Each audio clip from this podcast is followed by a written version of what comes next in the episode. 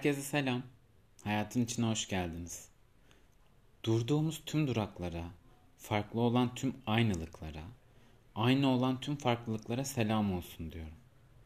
Hayatın içinde bir yerlerde karşılaşacağımızı bilerek, birbirimize gülümseyerek ve duyduklarımızın sorumluluğunu almaya hazır bir şekilde başlıyoruz bu programı. Yeni bölümde konuşacağımız konu başlığımız kalıplardan özgürleşmek. Biraz farklı boyutlarıyla ele almaya çalışacağım bu kalıplardan özgürleşmeyi.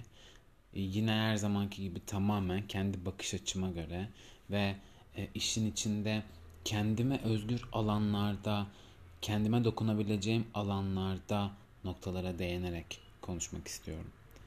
Kalıplardan özgürleşmek deyince aklımıza ne geliyor? Her birimize farklı şeyler canlanıyordur diye düşünüyorum ama ilk önce kalıp dendiğinde benim aklıma kek geliyor açıkçası. Hayatın genelinde e, kilo vermekle ilgili potansiyellerimi fark etmeye başladığım zamanlardan beri e, yiyecekle ilgili kendimi sınıyorum ama belki de kek kalıplarından özgürleşmek gerekiyordur böylelikle. Bu da işin içinden çıkılması zor olan başka bir boyut. Ee, tabii işin gırgırı bir yana düşünce kalıpları, insanların bize dayattıkları ve bizim kendi kendimize koyduğumuz sınırlar. Bunlar işin asıl içinden çıkılmayan taraflar. Kalıplar bize başkalarının dayattıklarını anlatırken aynı zamanda kendi kendimize koyduğumuz sınırları da anlatabiliyorlar. Çünkü kalıp dediğimiz şeyler bir yandan baktığımızda da dışarıdan öğrendiklerimiz. İnsanların bize dayattıkları, insanların bize söyledikleri ya da insanların bize söyleyebilecekleri. Ki insanların bize söyleyebilecekleri dediğimiz noktalarda da aklıma benim direkt kendi kendimize söylediklerimiz geliyor. Biz bir şeyi kendimize söylemeye devam ettiğimiz sürece başkaları da bunu bize söylemeye devam ediyor. O yüzden insanların bize ne söylediğinden ziyade bizim kendimize ne söylediğimize bakmak gerekiyor kalıplardan özgürleşmek için. Kalıp dediğimiz şeyler insanların son zamanlarda dayatmaya çalıştığı güzellik algısı ki bu yıllardır var. Güzellik algısının dayatılmasıyla birlikte tabii estetik dünyası da bir sektör. İnsanlar da buradan para kazandıkları için e, burada bir sürü şey dayatıyorlar hepimize ortaya konan şeyler ve bir güzellik algısı dayatması var ve bunun arkasından da popüler bir şekilde gidilebiliyor. Bu dayatmalardan biri ya da insanları dış görünüşlerine göre yargılıyoruz ki bence bu da dayatmalardan biri. Özel sektörde çalışan kadın erkek cinsiyetlerinin arasındaki kazanım farkı.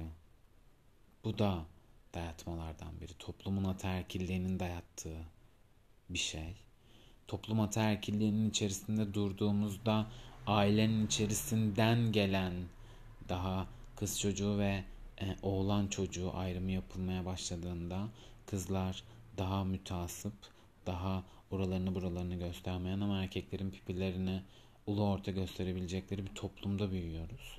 O yüzden bu toplum bize bir yandan kafamızın içinde var olan şeyleri dayatmış oluyor. Bunlardan özgürleşebiliyor olmak için önce kendi kimliklerimizi fark etmemiz gerekiyor. Bize dayatılan kimlikleri ve bizim kazandığımız kimlikleri fark edebiliyor olmamız gerekiyor. Dünyaya gelmeyi seçtiğimizde bir ben kimliğiyle dünyaya geliyoruz. Birilerinin çocuğu olduğumuz için çocuk kimliği bürünüyor üstümüze. Birilerinin öğrencisi oluyoruz, öğrenci kimliği yükleniyor üstümüze. Birilerine bir şey öğretiyoruz, öğretmen kimliği yükleniyor. Kardeş oluyoruz birilerine, kardeş kimliği yükleniyor eş oluyoruz birilerine. Eş kimliği, sevgili kimliği, aşık kimliği yükleniyor. Bir işe giriyoruz. işte yönetici oluyoruz, müdür oluyoruz. Yönetici kimliği, müdür kimliği yükleniyor.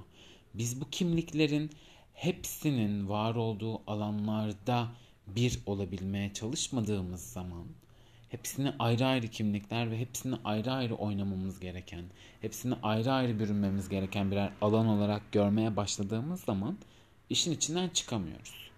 İşin içinden çıkamadığımız zamanlarda da bu sıfatlar bize fazla gelmeye başlıyor ve birazcık sıfatlardan azade olmaya çalışıyoruz. insanların bize dayattıkları ve insanların bize öğrettiklerinden ziyade bir de üstüne kendi kendimize koyduğumuz kalıplar var. Çünkü buna da dışarıdan bakarak, geçmişten referans alarak karar veriyoruz. Ben bunu yapamam. Ben zaten beceriksizim. Ben zaten kilo veremem. E, ben kendi adıma konuşacak olursam bu kalıba çok düştüm. Hayatımın çoğu alanında düştüm. Benim zaten ailemde bir sürü kilolu insan vardı. Bizim kemik yapımız bu. Ben zaten kilo veremem algısıyla hayatımın belli bir dönemine kadar hiçbir şey yapmadım kilomdan ne kadar rahatsız oluyor olsam da. Bir dönem 20-25 kilo verdikten sonra tekrar umduğum düzenim bozulduğunda ben zaten bunu hak ediyorum düşüncesiyle tekrar kilo aldım. Hala vermeye çalışıyorum ama vermeye çalıştığım örnek kendi kendime koyduğum sınırlarda açıkçası. Bu sınırları o kadar güçlü çizmişim ki elime ne kadar büyük bir silgi alıyorsam alayım yine de o çizgileri silemiyorum, yok edemiyorum. Ama bu çizgileri silememek ve yok edememek de bir kalıp bakıldığında. Bununla ilgili düzenli çalışmalar, düzenli pratikler ve düzenli farkındalıklarla birlikte bu işin içinden çıkabilmeye niyet ediyorum açıkçası. Mutlaka sizin de vardır kendinize koyduğunuz işin içinden çıkamadığınız kalıplarınız.